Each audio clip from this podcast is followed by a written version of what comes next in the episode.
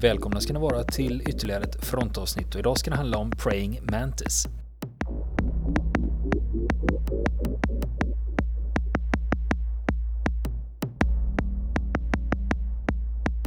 Ja, vet du vad Praying Mantis är för någonting? Nej, inte en aning. Jag tänkte, ja. först tänkte jag att det hade något med marinbiologi att göra eller ja. något sånt. Så att det hade med någon fisk ja. eller rocka. Det, det tänkte jag tänkte faktiskt jag. Jag tänkte, först Eller också. tänker jag manta kanske. Ja, just det. det för, tänkte jag också faktiskt första gången jag hörde det här och inte, inte fattade vad det var. Mm. Eh, ja, det betyder bön, bönsyrsa. Är det en insekt alltså? Ja, ja. Du mm. vet hur en bönsyrsa ser ut? Ja, det vet jag. Ja, precis. De är fula jävlar. Amen. Men nu ska vi tala om en operation som döptes till bön, bönsyrsa. Operation bönsyrsa alltså? Ja, mm. praying mantis. Och det är inte så länge sedan. Okej. Okay, vi, ska backa, vi ska backa bandet till eh, april 1988. Mm. Alltså sluttampen av eh, kalla kriget. Men säger du april 1988? Exakt. Det är fan ju 30 år sedan. Det kanske ja. man skulle nästan kunna hänga upp det på något ja, 30 års det skulle man faktiskt kunna göra. Det är ja. faktiskt bara 30 år sedan. Är det. Mm. Och eh, Persiska viken i slutet av kalla kriget. Och vilka var det som styrde i världen då? Och I USA då har vi Ronald Reagan. I Sovjetunionen Mikhail Gorbachev. Gorbachev, ja precis. Och i Irak har vi Saddam Hussein. Och i Iran Ayatollah Khomeini. Och 1988 så har Iran och Irak varit i krig i åtta år. Och ett enormt blodigt krig då som man nästan kan jämföra med första världskriget när det gäller skyttegravar och giftgasanfall. Och och enorma människoförluster. Mm. Och det kanske man ska förklara mm. just när det gäller Irak och Iran. Mm. Att man skulle kunna säga att det var ett proxykrig också. Ja. För, för, Iran hade ju stöd av Sovjet och Irak mm. hade stöd av USA. Just det, just det. Precis. Så att det var ju delvis ett proxykrig och det var ju Iran hade ju varit en stark amerikansk stödjepunkt innan, innan 79, innan eh, revolutionen då man störtade shahen av Iran och och eh, den här religiösa regimen med ayatollarna, alltså de här översteprästerna tog, tog, eh, tog makten. Det blev en teokrati. Just det, just det. Och eh, eh, det här kriget då, det hade pågått i många år, varit mycket väldigt låst läge på den fronten. Och det blev också väldigt spänt i Persiska viken med mycket konflikter där också. Det börjar faktiskt, faktiskt innan jag kommer in på vad eh, Operation Bönsyrsa var, Praying Mantis, så tänkte jag backa bandet lite, lite till och tala om tankerkriget. The Tanker War. För det var någonting som utspelades i Persiska viken i, skuggan av, eh, av kriget mellan Iran och Irak. Och det var en del av det. Eh, därför att vid det här laget, Irak då som hade gått till anfall mot Iran, de kunde inte nå några större markframgångar mot Iran då som var mycket större. Eh, med mycket större armé och hela det här då. Och eh, man använde, Irak använde då sitt flygvapen då för strategisk bombning mot eh, städer, fabriker och sjöfart i Persiska viken då för att skada Irans ekonomi. Bland annat. Och eh, genom de här bombningarna då av eh, iransk sjöfart eh, och internationell sjöfart på väg till och från iranska hamnar så ville Irak också provocera Iran att göra något överilat. Så att eh, supermakterna skulle dras in i kriget på Iraks sida. Så såg eh, planen ut från, från eh, Saddam Husseins håll i detta då. Och det här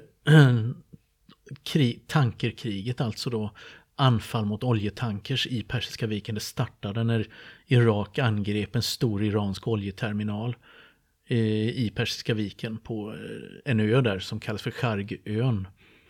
Eh, och man anföll då iranska oljetankers. Och det här var början av 1984 då. Och eh, som sagt för att provocera Iran då att, att ge igen då på ett överdrivet sätt.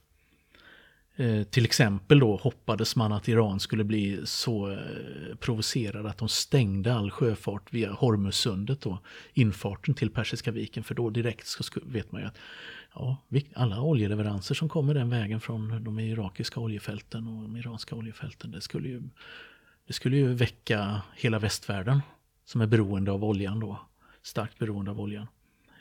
Och eh, man skulle kanske till och med få FN att ingripa i det här då. Eh, och det ville i och för sig eh, det ville absolut Iran inte se då. Och då begränsade man sig till att angripa irakisk sjöfart till att börja med. Då från iransk sida som vedergällning.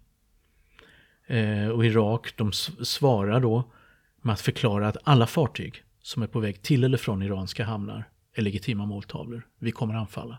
En blockad. Mm, precis. och ehm, som man, man sätter in då från irakisk sida jetplan och helikoptrar med Exocet-robotar och sovjetiska robotar. För eh, i angrepp då mot eh, handelssjöfart, oljetankers. Eh, och man anfaller då också iranska oljeanläggningar. Och som svar på detta, för den här situationen trappas upp hela tiden och den här konflikten, så, så anfaller Iran eh, i maj 1984 först en kuwaitisk oljetanker och sedan en saudisk oljetanker. Och varför gör man det? Jo, därför att Iran har i sin tur en effektiv sjöblockad mot Irak. Man har, kommer inte åt att skick, skeppa ut sin olja ifrån sina egna hamnar på grund av kriget. Så att därför går den irakiska oljan ut i världen på irakiska och saudiska oljetankers. Mm. Nej, förlåt, på kuwaitiska och saudiska oljetankers. Mm. Men sen har vi en mm. annan grej när du beskriver mm. det här om man är aggressiv mot oljetankers. Jag menar det mm. är stora, långsamma mål. Obeve ja. De är ju gigantiska. Så de kan ju inte vara så svåra att träffa. Och, och Nej, när, du, när de väl träffas då händer det ju grejer. Då händer det grejer, då blir det fyrverkeri. Jajamän. Och eh, jag ska komma sen till statistiken här eller lite grann hur mycket skador det här kriget ställde till med. För det här pågick då i flera år. Eh, skadade sjöfarten då i, i Persiska viken. Och, eh, och eh, snart så börjar Iran anfalla alla, alla oljetankers i Persiska viken. Som har irakisk olja ombord. Och man anfaller även neutrala handelsfartyg som befinner sig i området. Och så att det här, till slut så är man eh, ganska snabbt där att bägge sidor anfaller all sjöfart. Eh, för att stoppa eh, sjöfarten till ja, respektive land då. Och lägga blockad mot varandra. Och den iranska flottan då använder sina brittiskbyggda fregatter. Eh, man använder flygplan med utrustade med robotar, helikoptrar utrustade med robotar. Den iranska flottan börjar också använda små motorbåtar som eh, i eh, amerikansk litteratur kallas för boghammers. Och det är små öppna båtar. Tänk dig en vanlig, vanlig liksom öppen plastbåt. Mm. Med en stor utombordare på plastbåten modell större kan man väl säga. Eh, med en rejäl utombordare på. Riktigt snabbgående, utrustade med tunga kulsprutor eller raketkastare. Varför heter de Boghammers? Bog, det är väl eh, träsk eller ja. sumpmark? Ja, visst. De är tillverkade i Sverige. På ett varv uppe vid Mälardalen som heter Boghammars. Boghammar, ja, ja, Boghammer. Ja, det blir Boghammers. Och kallas fortfarande så i amerikansk litteratur. Den amerikanska militären kallar dem för Those damned boghammers. Ja, det var en vapenexport jag aldrig hört talas om. Ja, amen. Det var inte vapen, det var ju båtar. Amen. Så det var en omfattande export av den här typen av, eh, av båtar till Iran då, som använder dem som snabbgående stridsbåtar. Eh, under, under den här tiden då. Och, eh, och eh, med de här eh, Boghammers då så gör man överraskningsattacker då mot eh, handelsfartyg och oljetankers. Och många av de här fartygen skadas svårt eh, av de här attackerna då. Med stora förluster i människoliv också och andra ekonomiska värden. Och eh, sen i maj 87 då började det hetta till ordentligt. Därför att då träffas en amerikansk jagare, Stark, av två Exocet-robotar från en irakisk Mirage Mirage-plan. Misstag eller inte, därom spekulerar man. Men de här robotarna avfyras i samma ögonblick som Stark hade var utfärdat en rutinvarning på radio till det här flygplanet då att ni närmar er, liksom, var god ändra kurs. Samma, I samma ögonblick så avfyrar piloten robotarna som inte uppfattas på amerikansk radar. Mm -hmm. Amerikanska skeppsradarn registrerar inte robotarna. Det är inte förrän utkiken på Stark upptäcker dem. Och då är det några sekunder innan träff. Det är första signalen att man är under, under attack. Och eh, bägge robotarna träffar, 37 matroser dödas och 21 såras. Och eh, det här leder då till också att, till att eh, USA trappar upp sin eh, militära, sitt militära engagemang i Persiska viken. Eh, för att få ordning på det här och garantera sjöfarten då, fri sjöfart i området. Och det här tankekriget då, som då hade varit i flera år, då hade man hade skadat 546 oljetankers och handelsfartyg. Och 430 civila sjömän har förlorat livet. Genom båda sidors attacker mot sjöfarten. Men, men när vi pratar om det, jag minns mm. ju inte att det var någon oljekris då. Nej, det var, det var ju, nej precis. Precis, det var väl ingen oljekris på det sättet var det väl inte, men det var ju väldigt oroligt mm.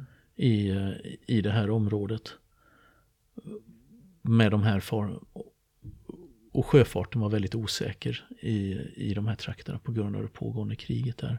Så jag menar, vi hade ju vi importerade ju olja från Saudi mm. i den här tiden också så att det var väl ingen, blev ju ingen kris så att säga på det sättet. Men jag kommer inte ihåg vad oljepriset låg på då i mitten av 80-talet. Jag körde moped. Jag tror det var mm. tre i slutet på 88. Mm, men då behövde du bara 4 procent. Olja. ja, just det. I bensinen. I bensinen, ja precis. precis. Skämt åsido. Eh, de flesta av de här angreppen som sker i Persiska viken under, de, under det här tankekriget. Det är irakiska stridsenheter alltså flyg och helikoptrar och ytstridsfartyg mot fartyg i iranska farvatten. Och det är alltså tre gånger så många angrepp som irakierna jämför, jämfört med vad iranierna gör. Men Irans attacker mot de kuwaitiska skeppen då, det ledde till att Kuwait vädjar till andra länder på hösten 86 då att gå in och skydda sjöfarten i Persiska viken. Och då engagerar sig stormakterna på allvar i, i detta då. Och det är, Sovjetunionen går med på att låta tankers segla under sovjetisk flagg som skydd. Och USA erbjuder skydd åt militärt skydd, eskort åt eh, oljetanker som flaggats om under amerikansk flagg. Eh, gott och väl för de som väljer att gå under stormaktsflagg. Men sjöfarten minskar allt som allt under den här tiden kraftigt i Persiska viken därför att de flesta fartygen är från, är från neutrala länder. Och de vågar inte åka in längre. Och i samband med det här så inträffar då den här incidenten med Stark. Den jagaren då som blev, blev, blev träffad. Och eh, Iran anklagar USA för att hjälpa Irak. Samtidigt som USA försöker isolera Iran. Man är ju inte direkt kompisar med Iran vid den här tiden vet vi ju. Man är på kollisionskurs sen, eh, ända sedan 79 med regimen i, i Iran.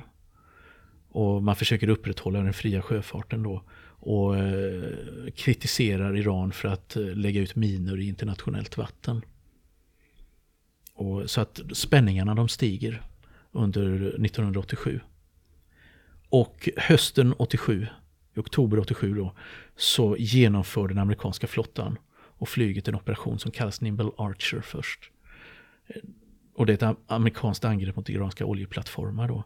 Som en vedergällning för ett eh, iranskt anfall mot en kuwaitisk tanker som har seglat under amerikansk flagg. Eh, den heter Sea Isle City. Att man anfaller iranska oljeplattformar beror på att just de här plattformarna används som militära stödjepunkter i eh, Irans krig mot sjöfarten i Persiska viken.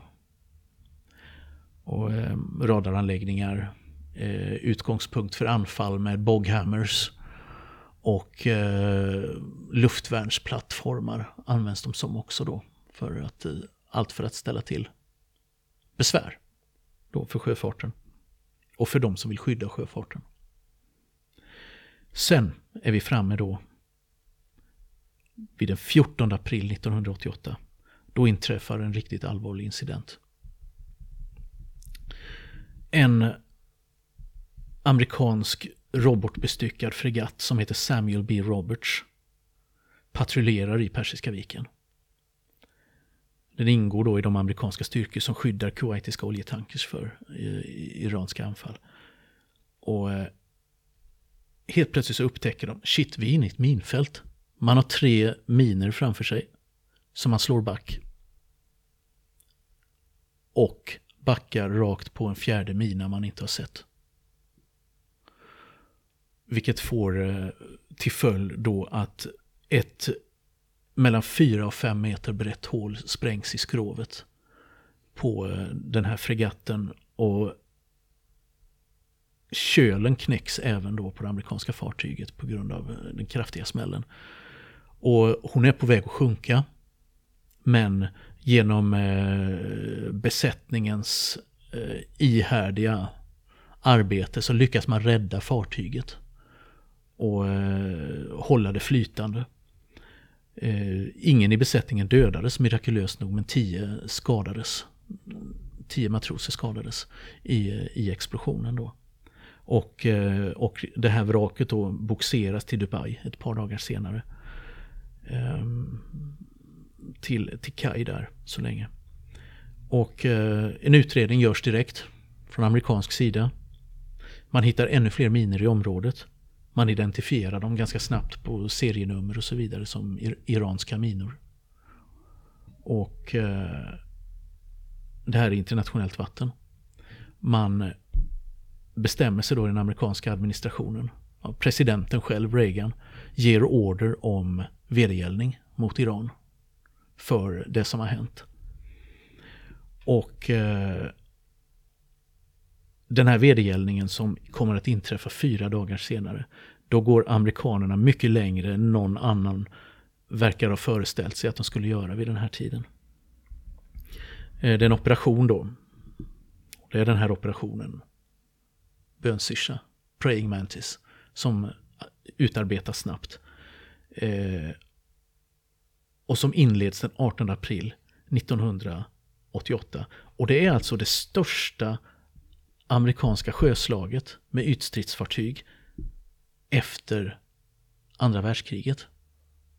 Och då vet man, det har inte varit så många slag som amerikanska eh, eh, fartyg har varit, varit inblandade i då under, under kalla kriget. Vi har ett, eh, ett, det var en gång under Koreakriget eh, och sen var det ett par gånger under Vietnamkriget som man var inblandad i sjöstrider. Och sen är det Sidrabukten 86.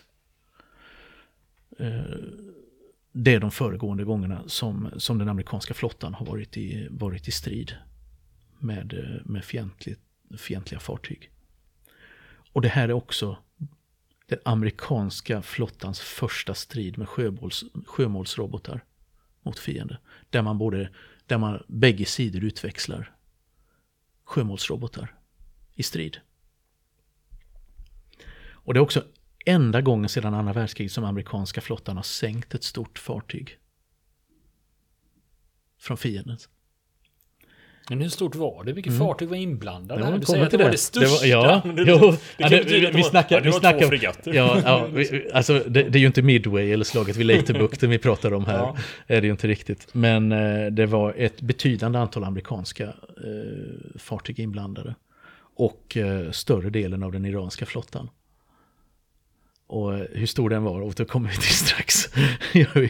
Men eh, men vid slutet av operationen så har amerikanska sjö och flygenheter sänkt eller svårt skadat hälften av Irans flotta. I de här striderna. Som pågår, pågår under, eh, under några timmar. den här dagen i, i april 1988. Och man har, eh, man går, när man går till anfall så har man organiserat sig i eh, tre, har den amerikanska flottan organiserat sig i tre stridsgrupper. Eh, och de kallas då för, för eh, surface, surface action groups. Vilket man kan översätta som ytstridsgrupper.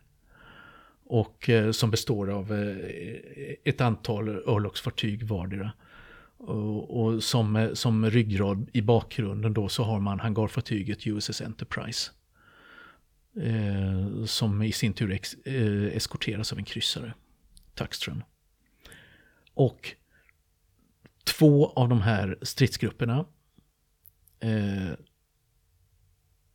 Charlie och, eh, och Bravo, sätts in för att förstöra två iranska oljeplattformar som används som militära stödjepunkter. De har luftvärn, de har radaranläggningar, de har infrastruktur för, eh, för de här eh, snabba attackbåts... Eh, styrkorna. Och eh, dessutom så hoppas man att eh, locka ut större iranska örlogsfartyg för att kunna skada dem. Och därmed lära Iran en läxa helt enkelt. Och det ser man som en bonus i hela operationen. Men huvudmålet det är, de här, det är två stora oljeplattformar som ska, som ska förstöras. Och eh, den, ena, den ena stridsgruppen då, eh, Bravo, eh, den leds av en örlogskapten James Perkins och den består av två jagare, Merrill och Lynd McCormick och ett slags amfibie, en amfibietransportdocka. Låter inte så sexigt men ett jättestort landstigningsfartyg. Inte ett alltså som kör upp på stranden utan ett som ligger ute till havs och från vilket man skickar ut landstignings, andra landstigningsfartyg eh, i samband med, operation, landstig, eh, med eh, landstigningsoperationer. Då. Den heter USS Trenton. Och ombord på Trenton då så finns det en stridsgrupp från marinkåren med både flyg och marktrupper. Eh, och eh, sen har man även helikopter, ett par helikoptergrupper i luften med, som assisterar med ubåtsjakt. Och eh, Bravo, till att börja med, stridsgrupp Bravo får order att förstöra kanoner och militära installationer på en oljeplattform som heter Sassan. Eh, den ligger i ett oljefält med samma namn. Och när man tänker oljeplattform så får man ju lätt en bild i huvudet av ja, oljeplattformar i Nordsjön eller i Mexikanska gulfen. De ser ut på ett visst sätt. Men här får du nog tänka någonting som man nästan skulle kunna associera till eh, en galen mekanobyggare. Eller, eh, eller någonting som, som påminner om en rebellinstallation i Star Wars. Mm. Men är de sto lika stora Det är väldigt, som väldigt stora, väldigt stora plattformar. Ungefär som man har byggt ihop flera plattformar. Det är olika nivåer och det är, eh, är sanslöst mycket fackverkskonstruktioner hit och dit. Och eh, ja, riktiga åbäken som man, man har eh, byggt upp ute i, ute i Persiska viken då. Är de, är de här plattformarna. Eh, och Klockan åtta på morgonen så ger chefen för Bravo, James Perkins, order till jagaren Merrill att per radio skicka en varning till besättningen på plattformen att överge den. Och man väntar 20 minuter på att den ska eh, att eh, iranierna, den iranska militärpersonalen som finns ombord. Det är alltså ingen aktiv oljeplattform, man borrar inte olja längre på dem utan de används uteslutande för militära ändamål. Eh, några lämnar plattformen i gummibåtar men huvuddelen av besättningen är kvar ombord på plattformen. Och eh, man väntar i 20 minuter från amerikansk sida och sen öppnar man eld. Och elden besvaras då av dubbelpipiga sovjetiska luftvärnskanoner, ZU-23. Det är alltså 23 mm automatkanoner. Och ganska snart så har eh, de amerikanska eh, fartygen slagit ut några av luftvärnskanonerna och plattformen begär eldupphör på radio. Och sen evakueras den återstående besättningen på, på eh, de här på plattformen då. De ger sig av därifrån då i, i gummibåtar och boxeras därifrån med en boxerbåt. Och eh, då visade det sig att det trots allt fortfarande finns kvar militär personal. För några har inte övergett utan fortsätter striden med, med eh, några av luftvärnskanonerna. Men de blir också utslagna till slut, en efter en. Och så sen sätter amerikanerna in Cobra-helikoptrar för att avsluta jobbet. Mm, genom att beskjuta med raketer och kulsprutor. Och eh, när detta är gjort, när den här plattformen står i lågor, så skickar man in då en styrka eh, ur marinkåren. Eh, ett kompani, B-kompaniet ur eh, första bataljonen i Second Marines, för att borda plattformen då. Och eh, de påträffar bara en enda sårad överlevande iransk soldat på plattformen. Och de söker igenom den för att leta efter, eh, efter eh, dokument som kan utvärderas av underrättelsetjänsten. Och sen riggar man plattformen med sprängmedel, lämnar den och spränger den i luften. Och nästa vecka fortsätter vi historien om Operation Praying Mantis. Vill ni komma i kontakt med oss så kan ni göra det via vår Facebook-sida som heter Fronten. Det är inga problem för er att leta er fram där. Eller också så mejlar ni på vår mejladress och det är frontenpodcast.gmail.com.